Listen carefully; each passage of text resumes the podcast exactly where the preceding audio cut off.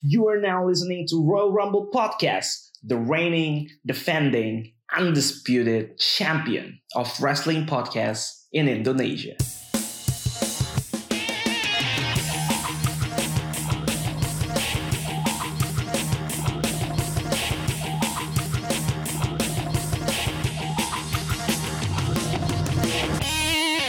Apa kabar seluruh penggemar gulat dan juga penggemar julid di seluruh Indonesia? Balik lagi tentunya di podcast wrestling. Teman baik kalian semua bersama gue Alvin. Dan gue Randy. Gila, minggu ini kita banyak berita-berita menghebohkan ya. Dari gulat maupun luar gulat. Uh, Kalau luar gulat ada apa emang heboh? Hari ini kan Queen Elizabeth berpulang.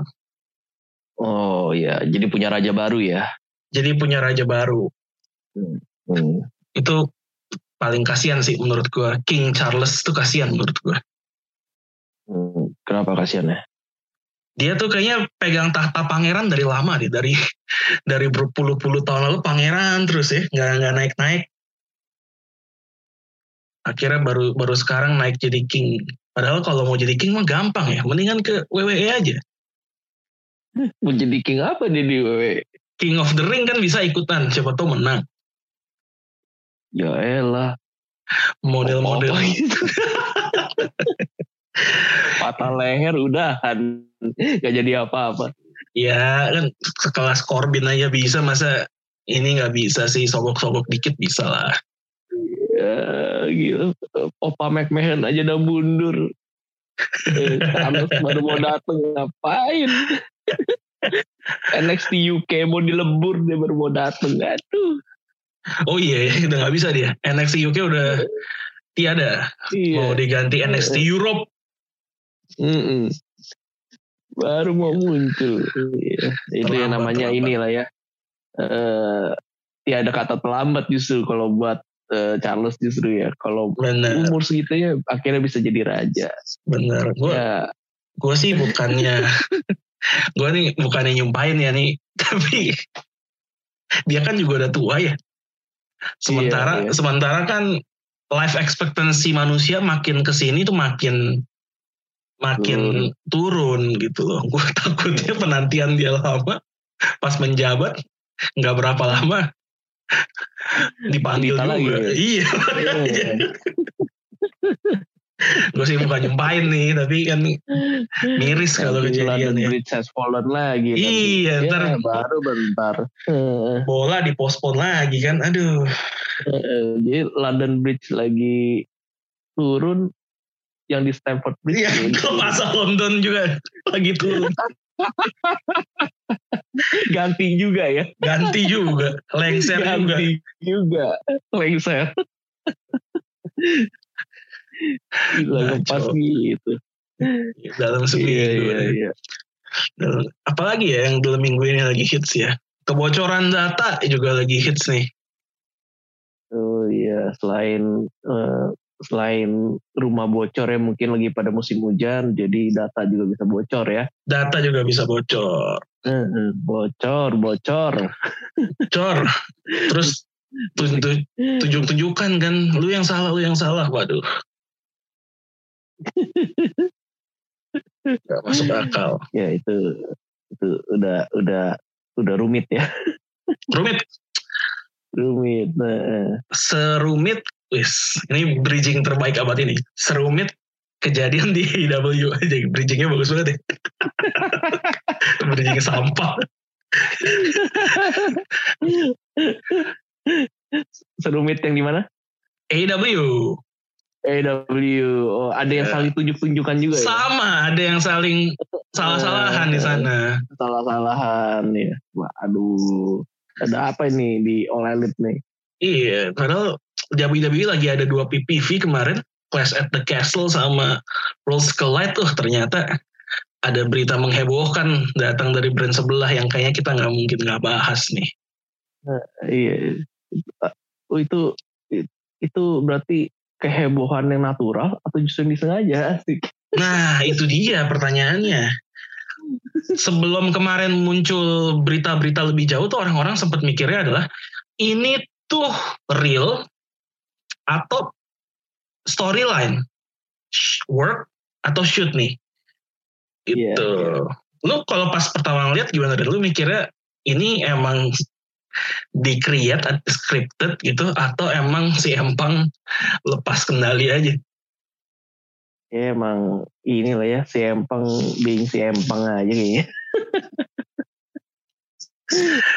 sepertinya Gue ngelihat ini scripted sih kayaknya ya. Nggak, kan kalau ngelihat konsekuensinya sampai kayak gitu kan kalau scripted sih menurut gue gila banget gitu. Kalau itu berarti itu eh ap, apalagi yang di atas scripted. Ada lagi berarti udah di atas scripted lagi. Sesuatu hal yang scripted ada lagi. sulit udah melihat yang wah kalau ini yang lebihnya gimana ya udah kayak gini gitu Iya, iya. Nah justru itu tapi kan yang menarik tuh ada apa emangnya sampai bisa sampai begitu gitu kan. Soalnya kan yang berant apa yang berantem ini kan bintang atas yang lagi megang sesuatu juga lagi sebelumnya. Benar. Wah, kacau juga gitu. bener yang gua nggak paham tuh masalah dia kan sama Colt Cabana dan to Iya. some extent sama Hangman Adam Page kan kenapa dia kayak perlu nyeret-nyeret eh, EVP yang lain gitu loh Kenny Omega sama Young Bucks bikin apinya ngelebar ke mana-mana jadinya Iya, iya. Dan yang orang yang ini kan sekali disenggol kan langsung ngegas juga kan. oh iya Udah dong. Eh, eh, runyam dah jadinya. Padahal, padahal ya satu sisi sebenarnya ada yang menariknya. gimana gimana Menariknya, menariknya adalah All Elite akhirnya baru mematahkan bahwa eh, gulat itu bohongan. Karena terjadi. Karena terjadi beneran. Pertikaian di ruang ganti. Kan kan aneh ya mereka tanding diri nggak ada yang nggak ada yang misahin gitu. Wow ditandingkan. Gila mereka tanding beneran kok malah dipisahkan. banyak yang misahin? Biarin aja Heeh. mesti biarin aja itu. Mereka lagi lagi lagi tanding beneran gitu ya. Biarkan aja yang yang lucu tuh ini tuh nggak kan ada beritanya si The Elite nyamperin si Empang ke ruang ganti terus terjadi pertikaian fisik kan? Iya iya. Eh, si Empangnya katanya melayangkan pukulan ke Young Bucks terus Young Bucks yang ngelawan dan katanya si Empang gigit Kenny Omega terus di berita berikutnya keluar bahwa dalam pertikaian itu Kenny Omega sebenarnya tengah berusaha buat nyelamatin anjingnya si Empang tuh yang dibawa di ruang ganti biar nggak ikut-ikutan kena dampak dari pertikaian itulah. Terus di Twitter si Dennis Salcedo tuh emang tuh Iya, cewek bang, tuh cewek bangke juga sih. Dia nge-tweet lucu ya si Empang eh, Kenny Omega nyelamatin anjingnya di pertikaian itu, tapi yang ngegigit dia tuh bukan anjingnya. emang maksud. Enggak, ini ini ini ya yang gue bikin penasaran orang yang tahu informasi ini tuh dari mana Iya. Apakah dia diam-diam di pojokan ruangan dia ngeliatin gitu kan atau tiba-tiba ada ada apa gitu ya ada spot penonton khusus gitu bisa menyaksikan apa yang terjadi di dalam bisa apa ya detil gitu ceritain iya ada detil banget. eh, gigit menggigit gitu ada upaya penyelamatan anjing gitu kan ya wah ini juga unik juga nih gue baru tahu ternyata si Empang eh, bawa anjingnya berarti ke Ke ruang ganti, Iya, betul, betul. Eh, kenapa sampai dibawa-bawa ya apa di rumah yang nggak ada orang nggak ada yang ngasih Iya. makan Atau emang nggak ada yang mau berteman sama dia kali di di sana di locker room, jadi ya dia harus bawa anjing ya biar ada yang nemenin. Iya. Wah, dia biar biar rasa-rasa John Wick gitu ya jadi Iyo Eh, ya kan biar, biar rasa-rasa John Wick gitu kan. Oh, jangan-jangan justru eh Kenny Omega digigit karena mungkin si Empang mau ngerasa kayaknya anjingnya mau diculik gitu. Bangsat banget. Enggak, bisa-bisanya lu kan tahu nih lu habis preskon yang bangsat itu ya. Terus lu diserang. Kok bisa lu mikir anjing gue mau diculik? Iya kan bisa jadi kan, wah gue dialihkan nih sama Yongbak. oh, yang si Atul gak sih ngambil anjingnya gitu kan. Wah anjing gue mau diambil. Wah, keparat juga kau. Gitu akhirnya. Makin makin John Wick ya. Makin John Wick. Iya. jadi kalau dilihat lagi upaya, jadi sebenarnya alasan dia menyerang Kenny Omega bukannya karena kasus uh, Bukan. dulu anjingnya diduga dia berpikir mau diculik anjingnya kalau anjingnya juga apa ya kalau sampai perlu diselamatkan kan sebenarnya unik juga gitu loh emang ada apa dengan anjingnya sampai perlu diselamatkan kan Nah, hal nih ber- berantem nih gitu kan terus anjingnya mungkin lagi nontonin gitu atau lagi gonggong-gonggongin gitu kenapa sampai perlu diselamatkan nah itu yang yang juga? informasinya nggak sedetail itu ternyata. Apakah anjingnya Iya. digendong sama si Empang atau dia tidak Iya. mau jauh-jauh, dia kayak mungkin gonggong-gonggong di bawah kaki orang-orang ini sehingga kayak oh kayak Iya. bahaya bisa ketendang atau keinjak. Nah ini yang nggak dapat Oh. info nih. berarti anjingnya kecil nih kayaknya ya Kecil. Wah mungkin ya Kecil, Eh, salah mungkin. dia. Dia harusnya kalau kerung baunya the big dog, The big dog. nggak boleh yang kecil. Waduh, the big dog nih. Anjing mahal. Mahal banget. mahal mahal. Ngasih makannya banyak itu. Aduh. Bener. Gila, Keluarganya banyak lagi. Iya, iya. Iya, itu malah malah ini ya. Malah mungkin eh, si Empang yang diselamatkan gitu ya. diselamatkan ya. Biar big dognya yang berantem. Iya, biar big dognya yang beraksi gitu. Iya, iya, iya. Iya, salah milih anjing berarti. Salah, Eh, rasnya salah. nggak Iya, pas. itu anjing terlalu lemah sampai Kenny Omega tuh tersentuh hatinya yang tadinya mau berantem sama si Empang kok saya harus menyelamatkan anjingnya gitu kan. Iya. Itu sebenarnya unik juga gitu loh. Oh, iya. Lu Omega. bayangin nih lu mau berantem gitu kan. Iya, wah yuk kita paranin tuh orang tuh. Iya, tadi dia ngeledekin kita. Lu tadi niatnya mau berantem gitu, eh lihat anjing lu gak tega gitu. Gimana ya? Iya, kok bisa ya kepikiran gitu di momen itu. Gue kayaknya kalau jadi Omega, gue udah kadung emosi gitu, gue udah nggak mikirin Iya, hal lain. eh, iya, udah fokus sama orang yang bikin lu kesel gitu kan. Nih Kenny Omega jadi Kenny tidak tega. Gitu. Jadi tidak tega. Lucu banget. ya. Anjing. Lucu banget dah kejadian-kejadian kemarin tuh. Gue juga mikirnya kayak lu sih Ren kayak ini orang-orang tuh tahu berita-berita kayak ini tuh dari mana sih? Orang dalam orang dalam mana yang ngelik-ngelik berita kayak gini? Detail banget anjir. Pasti informasinya A1 kan. Dia pasti orang deket Iya. banget tuh. Eh, eh. Bisa-bisanya di leak. Gila, Brengsek biasa. Ini bener-bener bener-bener fakta yang menarik sih gara-gara anjing gitu kan. Niatnya mau menyelamatkan anjing gitu. Luar biasa. Luar biasa Kenny Omega. Tapi kalau kalau dari kasusnya sendiri Ren, lu pandangan lu gimana? Lu di pihak siapa kalau kalau harus milih? Apakah kalau harus kalau harus milih ya, iya iya. harus banget nih milih. Iya, ya pandangan lu aja deh kalau gitu. Kalau nggak mau milih nggak apa-apa. Aduh, nggak ya. Ya ini mah hal yang biasa lah ya lelaki ya bad boys kan emang kayak gitu lah ya. Setengah-setengah gitu kan. Kalau nggak kalau nggak ya kalau nggak ada begini justru malah yang nggak seru. Gue tapi malah mikirnya gini sih. Ya ini menurut gue risiko yang harus all elite eh, terima sih. Ya si Empang ya kita nggak nggak usah nggak usah heran lah ya. Si Empang mau di mana aja mah ya dia akan Kontroversial ya. kan iya gitu kan. Terus sementara ya ya kayak tadi sempat diceritakan kita mereka sempat nyinggung juga akhirnya eh, do apa si para Youngbak sama si eh, Kenny Omega dibilangnya apa sih mereka kayak nggak apa nggak becus ya atau apalah gitulah jadi Iya ya kayak atau segala macam kerjanya nggak bener, malah gua Eh, yang gitu. harus ini itu. gitu. Iya gitu.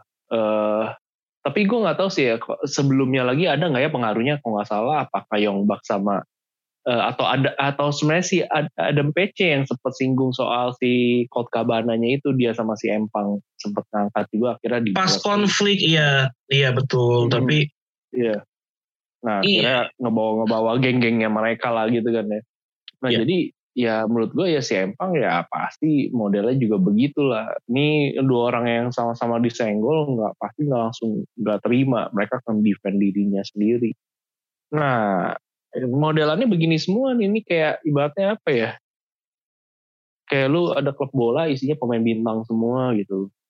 Tapi eh, ya gitu. Mungkin pas lagi dapat penalti rebutan gitu. Terus gue mau nanya. Seperti tidak asing ya seperti tidak asing ya. Sepertinya baru-baru ini terjadi tuh di satu klub bola dari ya, dari Prancis.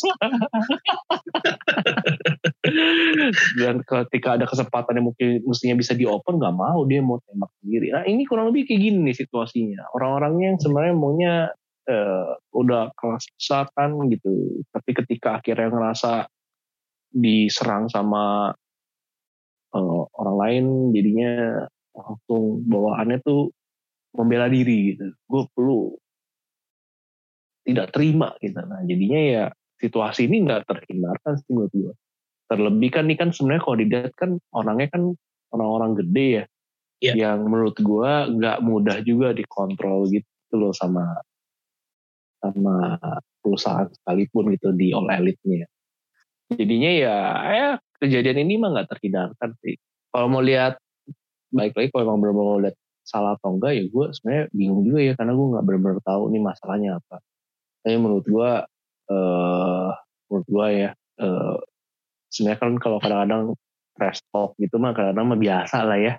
Sebenarnya kalau trash talk ya. Ya, uh, ya kalau kitanya terlalu ambil pusing juga gitu ke bawah sampai akhirnya itu jadi hal yang serius di luar pekerjaan dan akhirnya mengganggu pekerjaan itu sendiri ya menurut gue itu masalah. Jadi menurut gue sih harusnya sih ya kalaupun si Empang mendengar kata-kata yang tidak menyenangkan dari pihak the elite ya mestinya ya udah biarin aja gitu. Tapi kalau lu sampai udah akhirnya karena lu ingin membela diri lu sampai akhirnya ngelewatin batas nah menurut gue tuh perkara juga sih. Jadinya kan e, semua pihak lah juga gitu loh. Ya jadi ya gitu sih menurut gue jadi ya ini soal menahan diri aja gitu Padahal kan dia lagi di puncak gitu baru menang akhirnya nah, itu sebelumnya juga. menang sebelum menang reliquis cedera. iya emang. Ya kan datang-datang perebutan nih siapa yang benar-benar juara kalah dengan waktu yang singkat. Kalah. Udah akhirnya tanding ulang lagi dapet udah langsung relinquish lagi. gelarnya di relinquish lagi. Dan tanpa disebutkan namanya loh katanya kan ya. Wah iya iya di Dynamite satu sama lagi. sekali nggak nggak disebut namanya. Uh, itu kan gawat kan berarti kan. Wah ini ya nggak tahu lah. Menurut gue tuh ya secara secara kisah unik sih. Pencapaian unik. Iya, dia dua kali juara, dia menang berkali-kali dua kali juara iya dan dilepasnya uh, tanpa kalah sebenarnya tanpa kalau yang sama iya sama sama si John Moxley pun kan sebenarnya kalah dia kalahnya itu pun juga nggak bukannya kalah yang gimana ya di kondisi khusus gitu Iya, Karena John iya, Moxley iya. juga seorang juara. benar, benar. Dia bukan title defense di situ, bukan. iya. Itu emang juara sesama juara gitu ya. itu iya, emang iya, kocak gitu sih. sih. Hmm. Dua dua kali ya, juara, dua hmm. kali juara, tapi total hari juaranya seminggu juga nggak nyampe. Tragis. Tragis sih. Buat si Empang sih, waduh. Gitu. Ya kalau lu gimana pandangan lu? Iya, ya menarik soal lu bilang tadi bahwa ini susah dikontrol sama company. Nanti kita akan akan coba bahas ke sana ya. Tapi kalau menurut gua, gua nggak ngerti motivasinya si Empang harus ngomong di depan para wartawan sih. Uh, Maksudnya kalau lu punya masalah sama manajemen, omongin lah di belakang. Lu kan punya power nih. Lu kan salah satu bintang utama. Lu punya powernya. Ya lu omongin dulu di belakang. Udah belum? Kalau ngelihat dari reaksinya sih kayaknya belum ya dan somehow dia diomongin. Iya iya. Hmm. dan somehow dia harus went out sekeras itu di depan para jurnalis dengan pertanyaan yang harusnya kalau lu mau bahas Colt Cabana ya udah bahas di, sampai Colt Cabana aja nggak usah ngelebar sampai mana-mana gitu ya. Hangman sampai The Elite segala rupa. Itu kayaknya emang lu sengaja nyari musuh kalau gue bilang. Gue nggak ngerti nggak ngerti tujuan dia apa sih mungkin emang orangnya ini aja ya impulsif aja ya jadi dia nggak nggak iya. iya nggak mikir lebih jauh soal konsekuensi dan resikonya gue lagi ngerasa gini gue panas keluar semua nggak ada filter Berarti mulutnya lebih cepet ya dibanding bener pikirannya gitu ya. bener Langsung ke bawah emosi udah ngelocos aja apa yang pengen diomongin ya udah. Bener. Jadi iya, jadi gue paham lah kalau misalnya The Elite marah banget gitu sama dia. Walaupun sebenarnya mungkin beberapa poin dia soal The Elite tuh ada benernya gitu. Gue rasa wrestler-wrestler yang lain juga punya komplainan terhadap The Elite lah. Cuma ya mungkin cara menyampaikannya aja loh. Dan Ya, tempat menyampaikannya aja yang yang pemilihannya nggak apa. sangat tidak tepat menurut gue. Mungkin jurnalis pada saat itu juga bingung kali ya. Iya.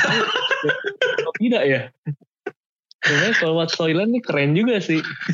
iya iya. Oh ini sebetulnya storyline. Soalnya kan dia ngomong sebelah Tony Khan katanya. Gak mungkin lah ini. itu eh, dia atau enggak lu gua sih mempertanyakan juga nih kan ada Tony Khan ya di situ masa sih dia nggak mikir bahwa omongan dia omongan si Empang bakal jadi masalah gitu pasti udah mikir ke situ kan Iya, iya. tapi kenapa dia nggak nggak nyoba untuk mitigasi damage-nya gitu atau atau melakukan apa pun lah gitu. Apakah dia Mitigasi. sepowerless itu di hadapan Miti- Punk? mitigasinya gimana itu maksudnya? Eh, maksud gua contoh Upaya ya misalnya contoh ya misalnya abis itu dia mencoba menenangkan suasana gitu kayak mungkin dia memberikan statement lah apa gitu Oh, yang mungkin bukan memihak salah satu tapi mungkin yang lebih damai lebih adem gue nggak tahu gimana ya tapi kan ada cara-cara itu atau kalau mau pakai cara keras hmm. ya lu bisa aja kan kayak cut si empang dengan cara-cara tertentu gitu loh cut, cut, cut gimana nih setelah eh, maksudnya setelah konversi persnya selesai atau oh enggak enggak kan dia tuh kan ada beberapa momen kan karena dia ngomong dulu dulu soal ini Hmm, hmm. ditanya lagi, dia elaborasi Iya. lebih jauh lagi. Ini Iya. ditanya, dia elaborasi lebih jauh lagi. Eh, Maksudnya di saat momen-momen jedanya itu mungkin lu bisa jump in atau atau Iya. cut off the press conference lah karena mungkin lu kalau ngelihat wah ini kayak udah orang nggak bener nih Iya. tinggal aja press connya udah cut, uh, selesai aja daripada jadi masalah ada beberapa cara lah yang mungkin bisa Iya. dilakukan Iya, saat bisa, itu bisa. gitu Mungkin bisa dicontoh juga ya matikan mic misalnya kan. ya seperti terjadi di Iya. sebuah negara bisa. Iya, dimatikan gitu. Si orang kalau ngomong "Oh, sunyi. kok nggak ada suaranya Woi, Iya. woi. Iya. Tapi itu kan bisa. Iya, malah ini dia yang di-cut sama si Empang. Dia lagi ngomong dipotong. Iya. Potong. Wah, eh, luar biasa.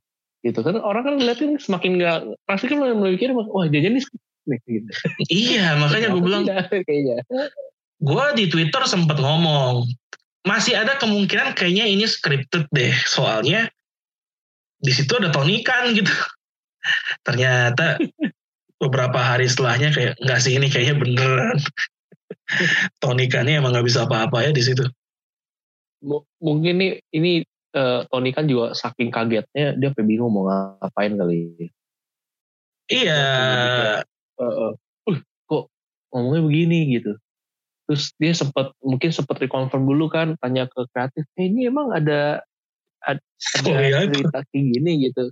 Iya, storyline kayak gini ya gitu. Cuman yang kreatifnya mungkin lagi eh, di toilet gitu ya belum bisa bales gitu kan nunggu-nunggu dulu lama. Enggak, oh enggak. Ternyata omongnya udah Iya. jauh. enggaknya Emang ya. pas dia ngomong enggak Kenny Omega-nya udah digigit sama si Empang. udah terlambat. Iya iya iya. Soalnya ini ya eh, gokil juga karena konsekuensinya kan berat lah ya. Buat all elite pun juga menurut gua nih ya itu jadi suatu suatu penilaian juga bahwa ya eh, All Elite juga ternyata belum mampu juga benar-benar manage talent-talent yang ada Betul. benar Betul. Oke juga gitu. Ya, ini kan benar-benar apa ya kayak ini sih menurut gua kayak ada kesannya ya jadi kayak ada minusnya juga gitu loh. Kok kok bisa bisa sampai seperti itu gitu. Apalagi siapa kayak gitu sebelahnya Tony Khan gitu. Wah itu kan benar-benar gokil banget sebenarnya sih kalau dipikir sih. Jadi ya ya kayaknya kalau emang nanti ada sanksi sanksi yang keras juga ke mereka ya gue juga rasa ya itu perlu juga lah gitu. Yep. Ya gue ya soalnya emang ya ya tapi ini ngomong secara bisnis ya maksudnya ya. Tapi kalau secara personal kan mungkin ya bisa ada hal-hal yang bisa dipahamin mungkin kenapa dia sampai begitunya misalnya si Empang atau apa gue nggak tahu. Ya tapi kalau lihat dari secara eh, profesional dia kerja ya ini kan udah emang went too far juga lah kayaknya ya. Iya, iya, iya. Bener sih. Ya gue nggak tahu ya apakah Tony Khan seperti yang lo bilang kaget atau dia mungkin juga ya pang bintang utama yang namanya gede banget. Kalau gue speak up di sini, ya ntar berdampak buruk lagi. Kalau dia yang ngambek susah. Ya, ya, mungkin ada pertimbangan-pertimbangan tertentu lah ya Uh. kita nggak tahu. Heeh, Daripada ada, tidak di GTS kan gitu kan.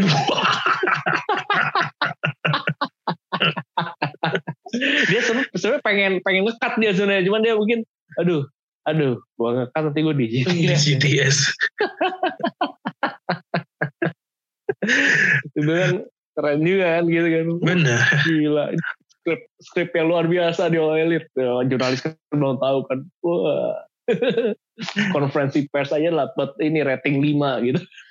Oh iya jelas lah. Konferensi pers ini mah ratingnya kalau bisa dikasih rating jangan 5 harus lebih 7 kalau bisa 7 7 dari 5 iya iya iya iya. seru banget nih daripada apa wrestling wrestling match yang nggak penting? Ini nih ini. Ini yang seru. Masalahnya reperkusinya ini banget. Gede banget. Ada wrestler wrestler yang di AEW yang mengancam mereka nggak mau di AEW lagi kalau masih ada CM Punk nama-namanya kita nggak tahu siapa. Tapi yang hampir pasti confirm ya tentunya The Elite-nya.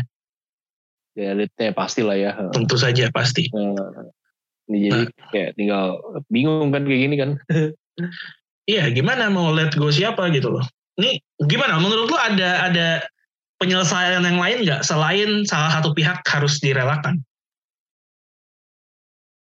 gua gua bingung sih ya eh Rekonsiliasi kayak gimana? rekonsiliasi udah sulit, Sulit sih kayaknya ya. kayaknya ya kalau lihat tipikal orangnya kayaknya kan pala batu semua nih kayaknya sulit jadi kalau menurut gua sih kalau lihat kayak gini benar-benar dilihat eh, sumber masalahnya apa dulu gitu. Kalau misalkan lalu yang kedua eh, ya kalau emang dari segi bisnis ya ya kalau emang sulit tahu deh ya. Eh,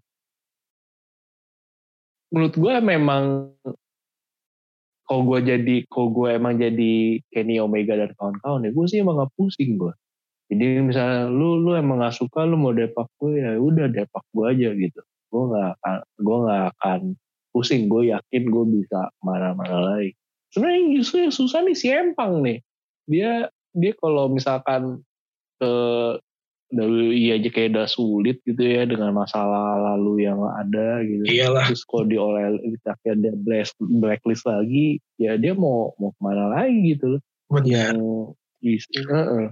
jadi mestinya sih menurut gue ya hati-hati justru ya si Empang sebenarnya karena ya kalau menurut gue hilangnya si Empang sama dibanding hilangnya Kenny Omega sama Young Bucks nah menurut gue ya kayaknya sih nggak perlu mikir panjang ya. Gue bisa aja pertahanannya mendingan The Elite aja gitu loh. Yang memang secara ini masih oke gitu orangnya juga banyak gitu loh ya. Ya hilang hilang tiga karena satu kayaknya ini juga gitu terlebih juga berarti si Empang susah diatur. Ya menurut gue eh, All Elite kayak malah makin punya alasan sih malah lebih ininya si Empang dibanding The Elite. Kalau secara pemikiran gue yang ngeliatnya gitu. Baiklah. tapi kalau rekonsiliasi lain sih gue bingung sih mau juga kayak gimana. Gimana? Dua-duanya didepak gitu semuanya. Lu semua gue keluarin susah, atau susah. mau eh, atau mau, upaya mendamaikan mereka gue juga udah nggak yakin juga sih itu bisa terjadi Sepertinya kita harus siap-siap aja kehilangan salah satu dari mereka di AEW dan sepertinya dari rumor-rumor dan update-update yang beredar berat sih memang buat si Empang ya. Iya. Dia sekarang udah dicopot dari titlenya dan cedera juga ternyata. Jadi double combo. Udah kasus cedera. Cederanya katanya bisa 6 sampai 8 bulan. cedera karena berantem atau emang sebelumnya ada ada ya Cedera dari match kayaknya. Match sama Mox Match, kemarin. Iya. Mau kemarin ya wah iya iya iya Emang Atau udah nggak jodoh. atau justru malah emang bener nih settingan aja nih karena dia cedera gitu kan konyol lagi cedera lagi kan Lah lu baru men, baru sembuh dari, dari cedera gue kasih menang lu cedera lagi masa mas gitu kan Iya kesannya kayak lemah banget nih orang gitu kan Aja. Tapi ini ini banget ya eh, settingannya masif banget ya kayaknya. masif banget ya. Butuh komitmen Biar- yang biar- tinggi. Iya, biar masuk akal gitu kan Sampai trios championnya juga dicopot siapa yang dicopot deh demi si empang demi si Empang. iya tapi emang bener sih menurut gua eh, sulit sih si empang dipertahanin. Lu bayangin nggak misalnya kalau emang kalau elit ya udah gue pertahanin si empang deh. Terus Yang lain? Yang di elit gitu oke. Kita ke WWE tiba muncul di WWE tampolan keras. wah gila. Yang Bucks langsung lawan the, blood, the bloodline nanti tuh sama si Kenny Omega. Iya, iya the elite versus the bloodline. Iya, Wah, seru pasti itu. seru kan langsung wah Tony kan gimana nggak gigit jari kayak gitu Kan langsung kasih Empang gantian dia gigit si Empang. iya Gara-gara lu nih. iya Iya, tapi kalau trios mumpung udah kesinggung, menurut lu gimana dengan kemarin juara pertamanya adalah The Elite gitu? Kalau gua ya, gua kayak ngerasa kenapa harus lu, terus sih gitu yang yang pertama kayak banyak trios lain deh. Ada House of Black, ada The Triangle, ada siapa lagi tuh kemarin banyak lah pokoknya.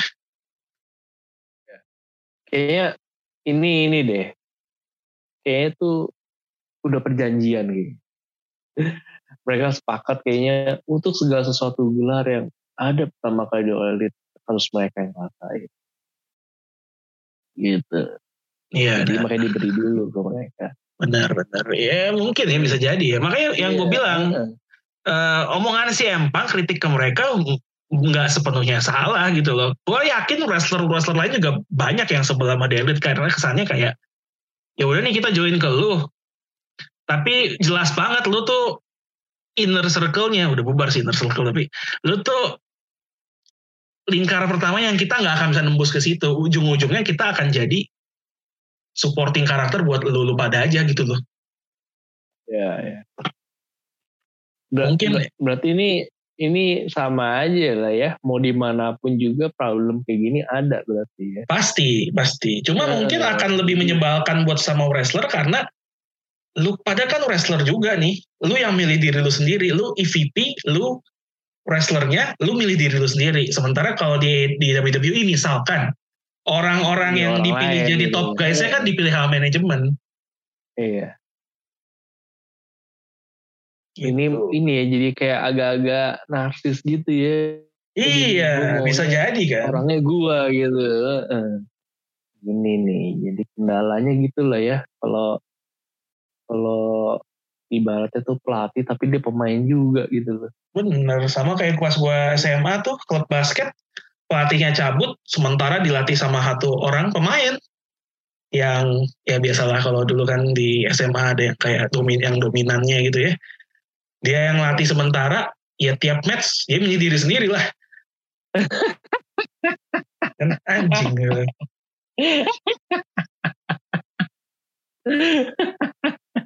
Main terus si bangke ini. main terus dia Gak, wah lebih konyol lagi kok nggak pernah ganti gitu kan waduh kalau udah bengek-bengek mungkin kan gitu Itu yang kira yang terjadi juga. ya. Oh iya, gue gue Iya, mengerti itu sih. gitu. Kalau ada yang itu sebel. lagi bikin jadi makin sebel gitu ya. Ya Betul. ini berarti berarti lagi lah ya eh celak lah ini mah celak bisnis yang dijalankan sama Betul. elit nih jadinya Betul. Ternyata banyak kekurangan juga gitu kan Betul. tertentu. Setiap model bisnis kan pasti ada pro ada konnya ya. Ya Iya. mungkin salah satu kon dari memberikan power terlalu besar ke para wrestlernya ya hal-hal seperti ini gitu. Hmm. Ego clash Akhirnya, dan lain-lain Jadi juga gitu. terjadi juga yang dikhawatirkan. Iya. Iya. Sampai gelarnya akhirnya diperebutkan kembali. Gelar diperebutkan kembali dan triosnya udah dapat juara baru ya, Death Triangle ya. Iya, Death Triangle. Pac dan Lucha, Lucha Brothers, Pac akhirnya jadi double champion pertama di AEW. Gokil. Gokil. Gila. Jadi malah jadi ada rekor baru ya lumayan juga lah. Lumayan juga lah kata Pac, eh, untung lah nih rezeki buat gua Iya, Men- rezeki, iya. menari di atas Memang- penderitaan orang ente Eh. Hey. Iya. Memang benar ya ada istilah eh, di, di dalam bencana pun tetap ada yang diuntungkan. Gitu. Betul. Dalam kasus ini The Triangle. gitu kan. Nah tapi yang menariknya juga ini sih kan akhirnya juara All Elite juga diperbutkan lagi nih. Betul. Nah menurut lu kira-kira siapa nih yang bisa Gue gue sih gue sih mikir gini ya. Kalau jadi John Moxley gue sebel banget. Karena gue ikut turnamen lagi. Kemarin gue udah menang loh.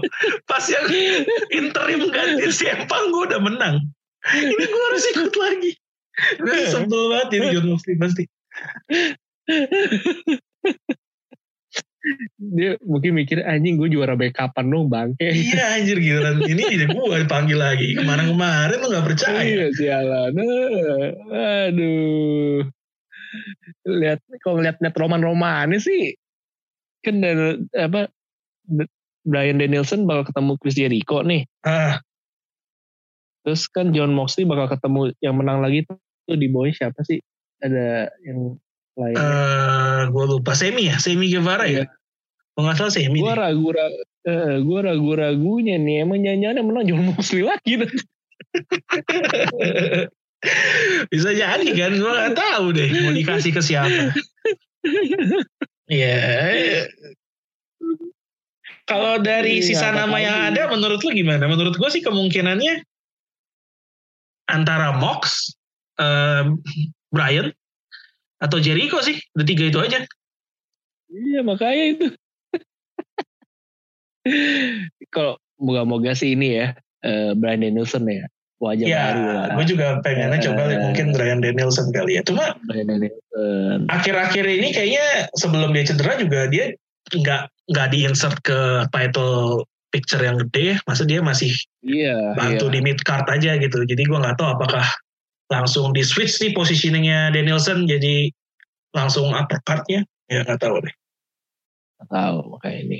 Ya lihat aja deh nih. Ya satu sisi ini jadi keseruan tersendiri juga sih.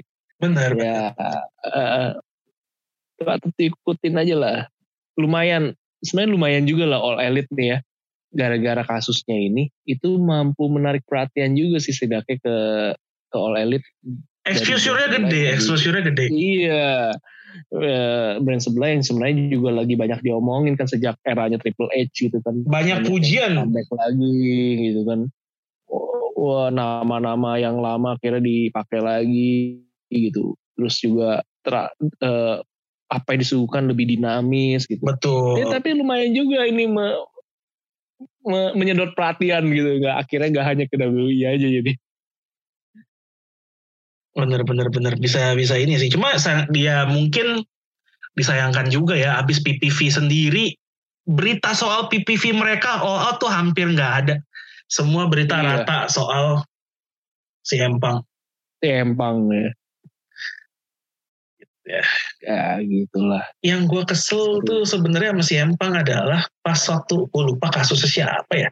Kayaknya ketika Sasha Banks tuh yang sama Naomi akhirnya mereka menolak datang sehingga sampai Hmm. sekarang nggak muncul lagi. si Empang tuh ngekat promo loh kayak dia bilang kita eh, gue akan stop stand sama coworker. Coworker lu kenapa lu harus bela?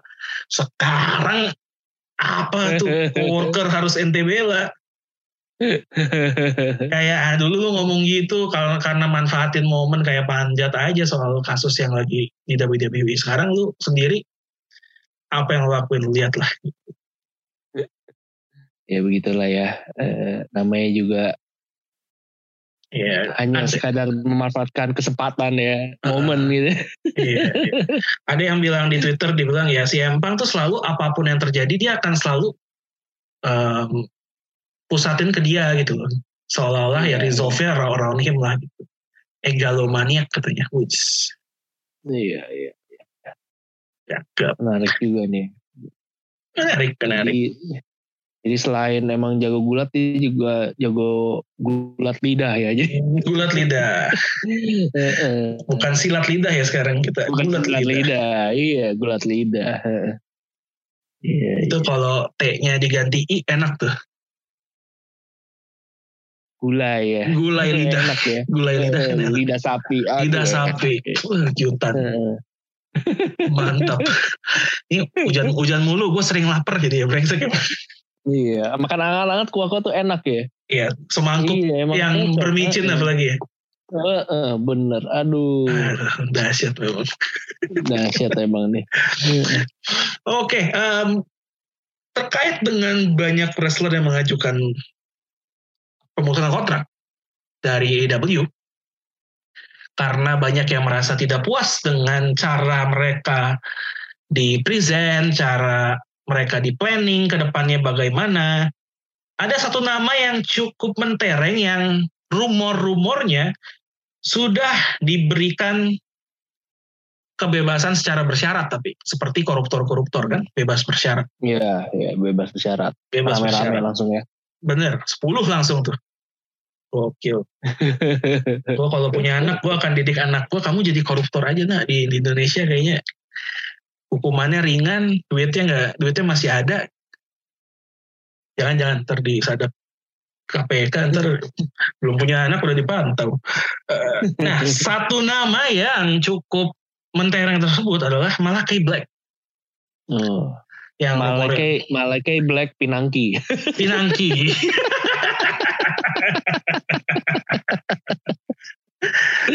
Malaikai Kadang bebas bersyarat ya. Bebas bersyarat ya.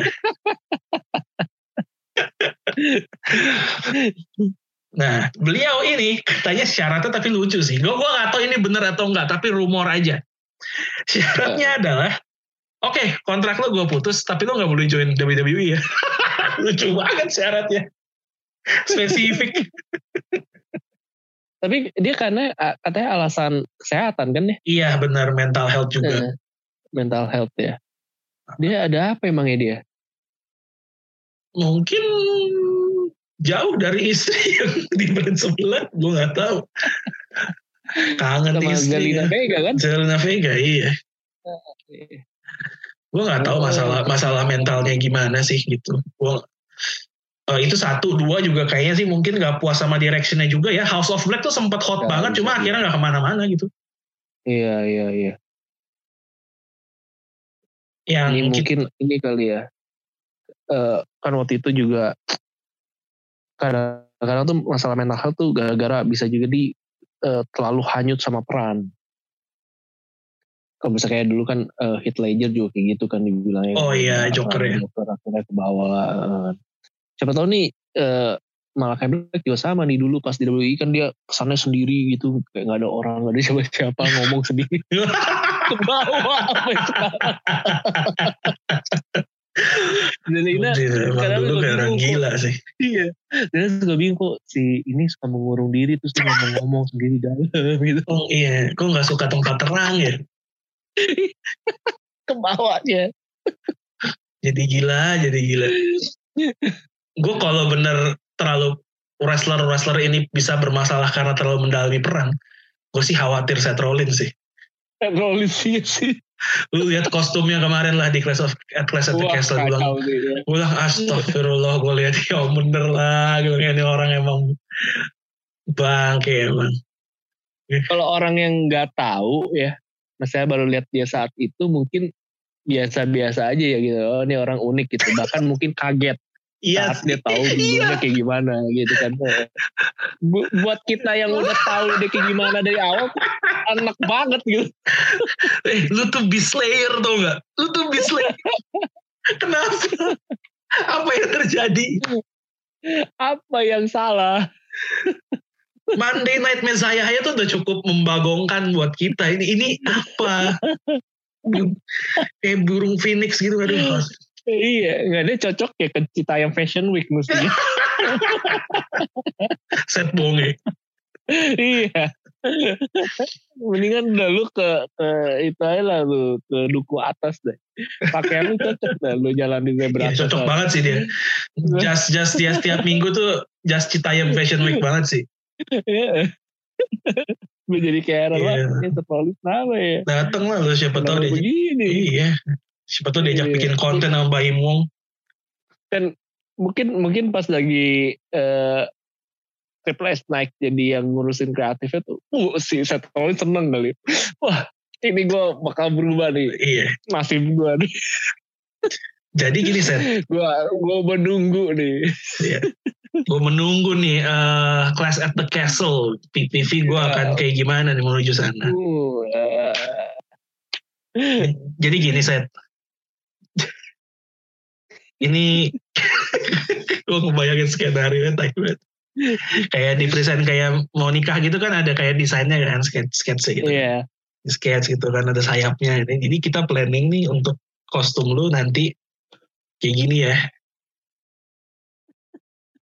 Terus ada hening yang panjang.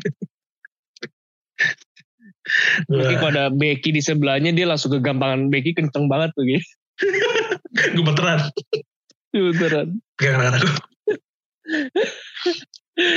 gue bayanginnya mungkin ya wah ini Triple H nih orang yang dulu gue ini banget gitu dia pasti iya. bisa mengubah Abis ngelawan dia, abis ngelawan dia karir Iya. gue sebagai face naik kan, roket. Iya. Gue akan mengalami perubahan karena yang begitu luar biasa nih gue terangkat lagi dari lumpur nih gue Iya. Berubah. pada gede kan gue lepas gue nih dari gimmick yang membuat gue jadi aneh begini Berubah Oke, sih. eh, set, iya, set. Gue gue udah mikirin lu eh, satu ide yang luar biasa yang buat tuh jadi jadi beda gitu. Lu percaya sama tangan gue. Waduh. Wah, iya apa nih? Gue gue nggak sabar nih pengen tahu rencana lu yang brilian itu yang udah terjadi di orang lain dan apa yang dulu set up gue. Oke, ini lu pakai ini. Iya. Dikasih gambar. gue udah mikirin lu kayak bakal keren banget lu pakai gini. Lu akan jadi Seth Rollins yang Beda. luar biasa. Beda. Akhirnya jadilah Seth Rollins seperti Quaresma di Inter Milan. menangis setiap pagi saat bangun gitu kan. Bukan hal ini yang saya harapkan ketika Triple H terjadi. Ketika Triple H megang brand.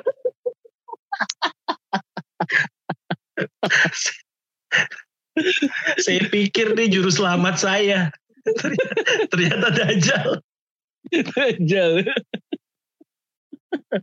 Aduh. Tapi dia terlihat enjoy. Gue gak tahu itu actingnya terlalu bagus atau pure dari dalam hati. Kalau acting terlalu bagus hebat. Hebat. Tapi kalau acting dalam hati pun juga hebat. Hebat. Lebih hebat lagi. Kok bisa? Emang Seth Rollins tuh eh, bikin kita jadi buset Rollins. Buset. Buset. Ini Buset. orang. Soalnya yang lain tuh udah mulai dikembalikan ke sosok semulanya tau gak? Austin Theory namanya udah lengkap lagi. Tommaso Ciampa namanya udah lengkap lagi. Butch masih Butch sih, cuma bajunya udah kembali seperti Pit Dan. Iya. heeh. Iya kan? Sampai yang sampai apa baju Kevin Owens yang lama aja dipakai lagi. Dipakai juga. lagi, bener. Sampai orang yang udah hilang aja dikembalikan, Dikembalikan lagi. lagi. Tapi Cuma Seth Rollins yang kayak makin-makin. Gue rasa dendam pribadi kayaknya. aduh kacau kacau.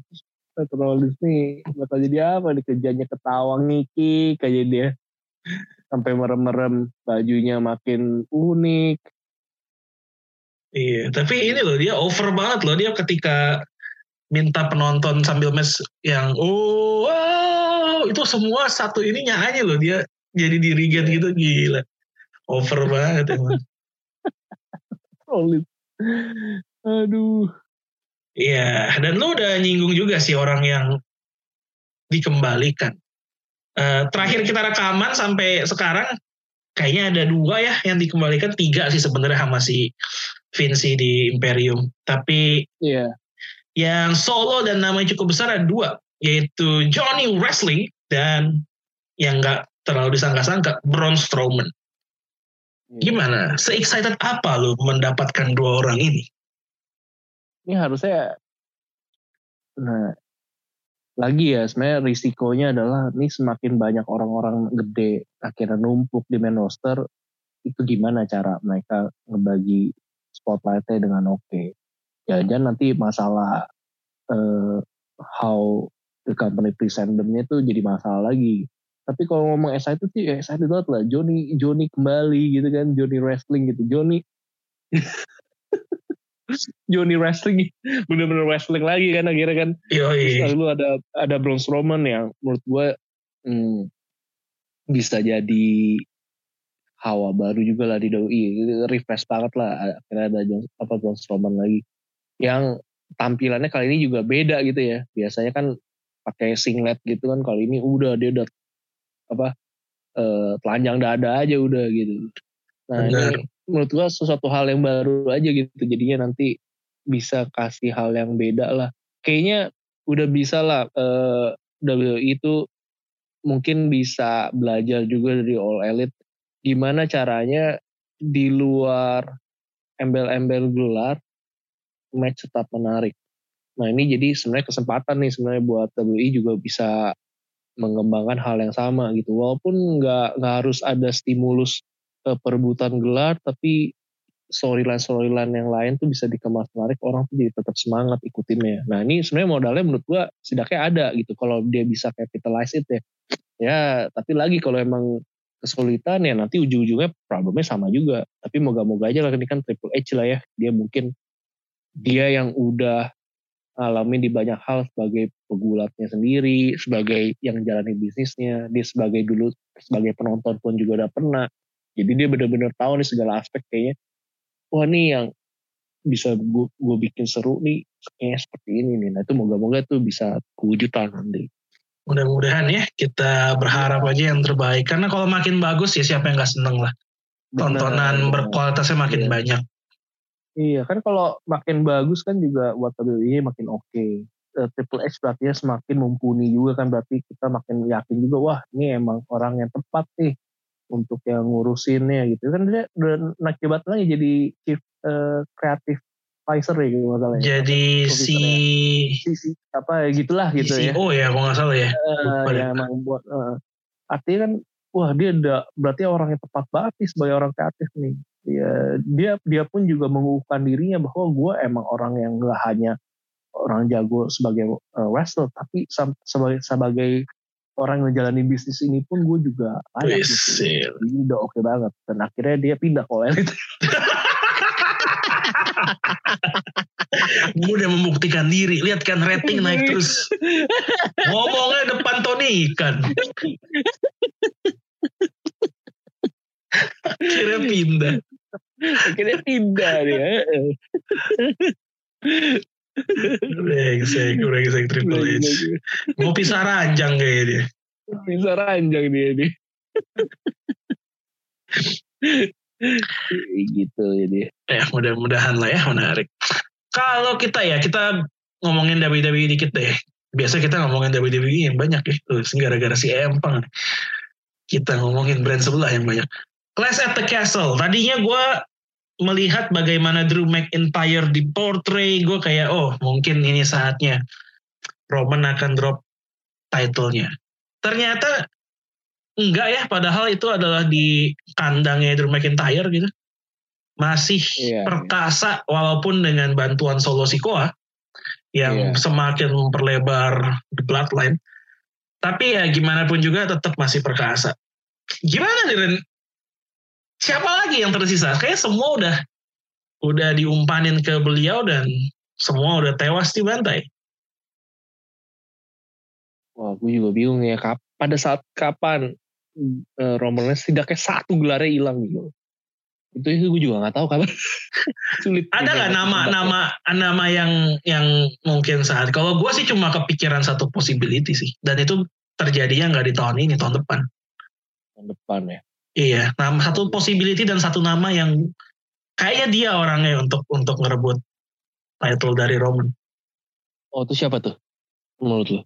Cody, Cody Rhodes ya. Cody Rhodes Cody lagi Rhodes. cedera ya lagi. Lagi cedera. ya. iya yang yang packnya itu loh, yang sampai biru yang ngeri Ah, banget itu loh yang di iya, tangannya. iya, iya, Yes. iya. Gue merasa mungkin dia akan return di Royal Rumble, menang Royal Rumble, nantang Roman Reigns di WrestleMania dan itu momennya mungkin. Hmm. Menang di WrestleMania. Eh, eh direbut Austin dia eh, cash in. eh enggak, Jelek banget sumpah. eh nggak bisa dong, nggak bisa dong dia cash in. Eh, kalau nggak salah kan Money in the Ada waktunya Bank, ya. Money in the Bank sebelum WrestleMania kan. Sebelum WrestleMania ya. Iya, dia nggak boleh sampai- Gimana itu? Dia nggak boleh sampai Money in the Bank lagi, dia harus cash in. Dia harus cash in. Jadi nggak boleh ada dua orang megang gitu. Se, se ini gue sih nggak boleh. Inter cash in cash inan nggak ada yang mau duluan. Iya, iya. Kemarin mau cash in ditampol Tyson Fury. Iya, ditampol Tyson Fury. Iya lucu banget anjing. Karena Lucu Tyson. Fury juga ngapain sih? Lagi nggak punya kepentingan tuh orang.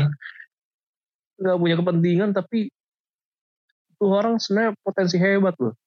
Dia Siapa? nampol aja challenge loh. Itu, Itu belum udah finisher loh padahal loh. Hah. Itu finishernya Baru justru kayak kayak Big Show.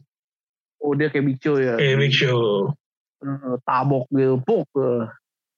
Langsung celeng. Iya. Sama yang terakhir ngajak salaman Roman Reigns mau ngapain coba? Ini orang Kan hand of Midas dia. Kapan gitu loh. Pengen karirnya melejit juga dia. dia kan udah ngumumin pensiun, mau melejit ke mana lagi? Mungkin mau bisnis kali ya. Iya kan. Wah yang penting gue hoki gitu kan abis megang End of Midas. head of table gitu kan. Gue kira mau ngapain nih orang naik kering. Mau ngajak salaman kayak fans bego. Gila, gimana gak makin gimana nggak makin gede kepala nih Roman Reigns gila gila.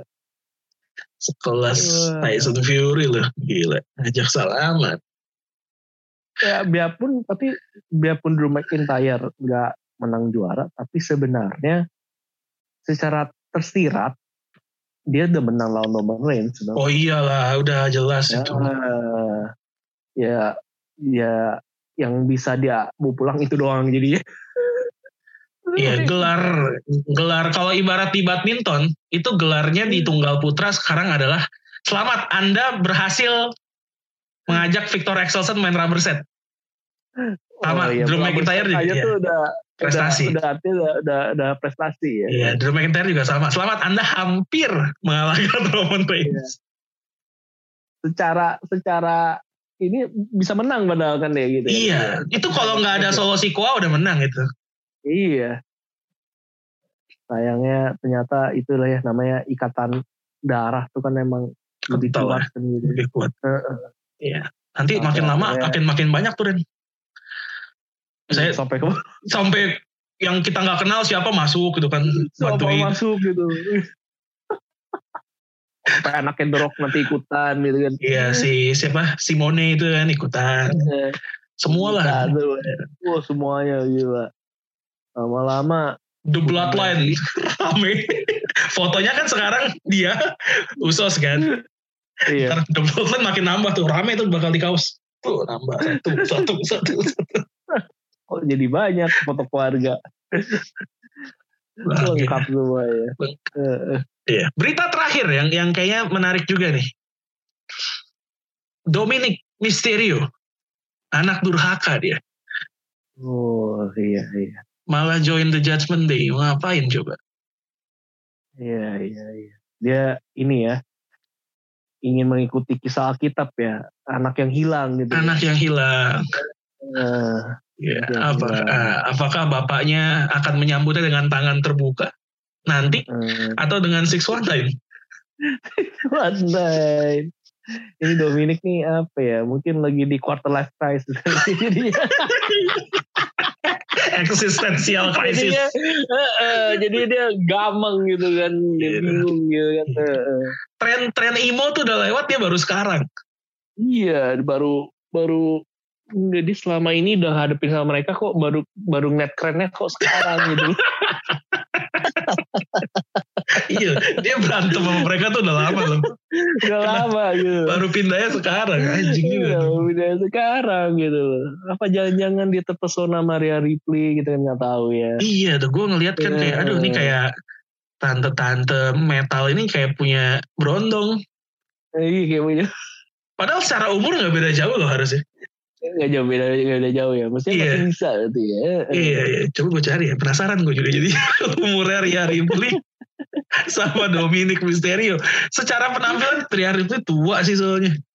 Iya emang karena karena nah, ini sih menurut gue salah satu problem juga berarti ya di Dominic ya.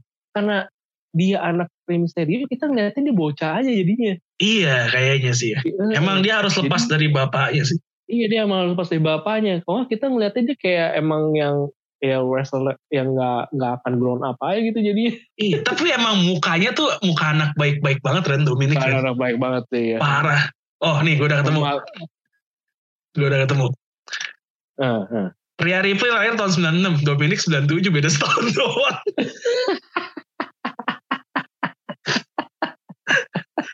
Anjir. Beda setahun eh, ya masih bisa lah. Eh, Aman masih sih, bisa lah. Masih masih aman lah. Orang orang eh, apa? Kalau si siapa tuh adiknya Domi, Dominic Alia. Alia tuh pernah dikisahkan aja akhirnya suka sama si siapa waktu itu dulu Buddy Murphy, Buddy iya Matthews. Buddy Murphy iya Buddy masa sama ada Ripley gak bisa Iya. Terus ada yang bikin ini, Jangan-jangan dia ada yang bikin ini Ren, kayak Ria Ripley sama Buddy Murphy tuh sama-sama orang Australia. Bilang, ini kenapa anak-anak Rey Mysterio demen sama orang Australia itu?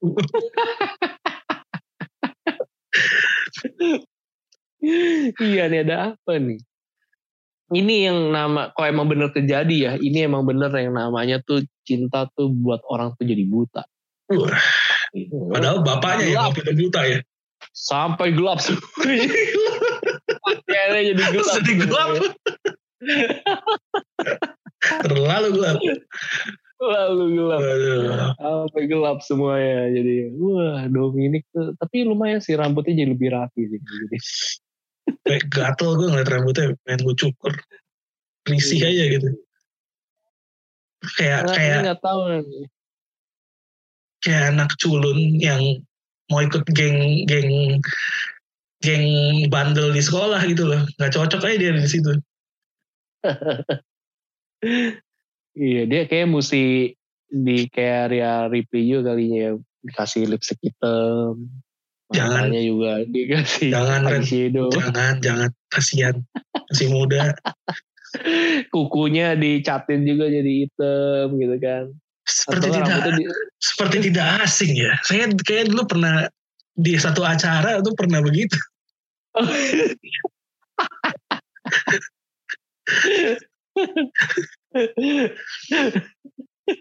Wah jangan-jangan lu waktu itu dideketin juga Maria Ripley ya. Di, Tawarin masuk dia ya. sebelum ada Jasmine itu udah ada saya. Udah ada ya. Udah ada dulu. Gokil. Ini Jasmine Day menarik ya. Padahal ketuanya tuh siapa yang bikin. Akhirnya ketendang. Iya, Akhirnya. Ketuanya pindah pindah kubu juga ke kubu sebelah. Gue. Kasihan jadi Edge ya. Dia dia di kubu Jasmine dia dikhianatin. Pindah ke Mysterio, dikhianatin lagi. Dihianatin lagi. Dia tuh aduh sedih banget emang ya. Berat jadi. Jadi Berat, berat, Edge tuh bener-bener gak mudah gitu loh. Ya ada yang paling berat sel- eh, selain men- mendapati pengkhianatan gitu kan. Aduh. Bener-bener nih. Jadi makanya ini Dominic nih Anda benar-benar anak durhaka. Memang namanya doang yang dom. Ternyata Anda sam- Iya. Misif bener. ya, ya udahlah, udah kita udah satu jam menemani di episode kali ini. Semoga menghibur lah ya, semoga mengobati kekangenan kalau ada yang kangen sama Royal Rumble ID. Minggu lalu sih gue dua minggu lalu sebenarnya mau ngajak rekaman, tapi gue ke Malaysia. Padahal gue udah bawa laptop buat rekaman, uh waktunya tidak bisa, tidak bisa.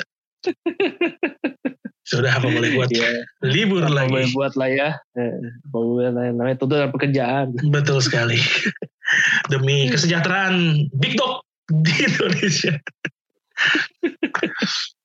ya udah, thank you banget udah mendengarkan Royal Rumble ID episode berapa? 120 sekian, gue lupa. Thank you banget pokoknya nantikan lagi episode-episode yang akan datang tentunya masih bersama duo tag team host andalan kalian. Gue Alvin Gue Randy. and you can acknowledge us.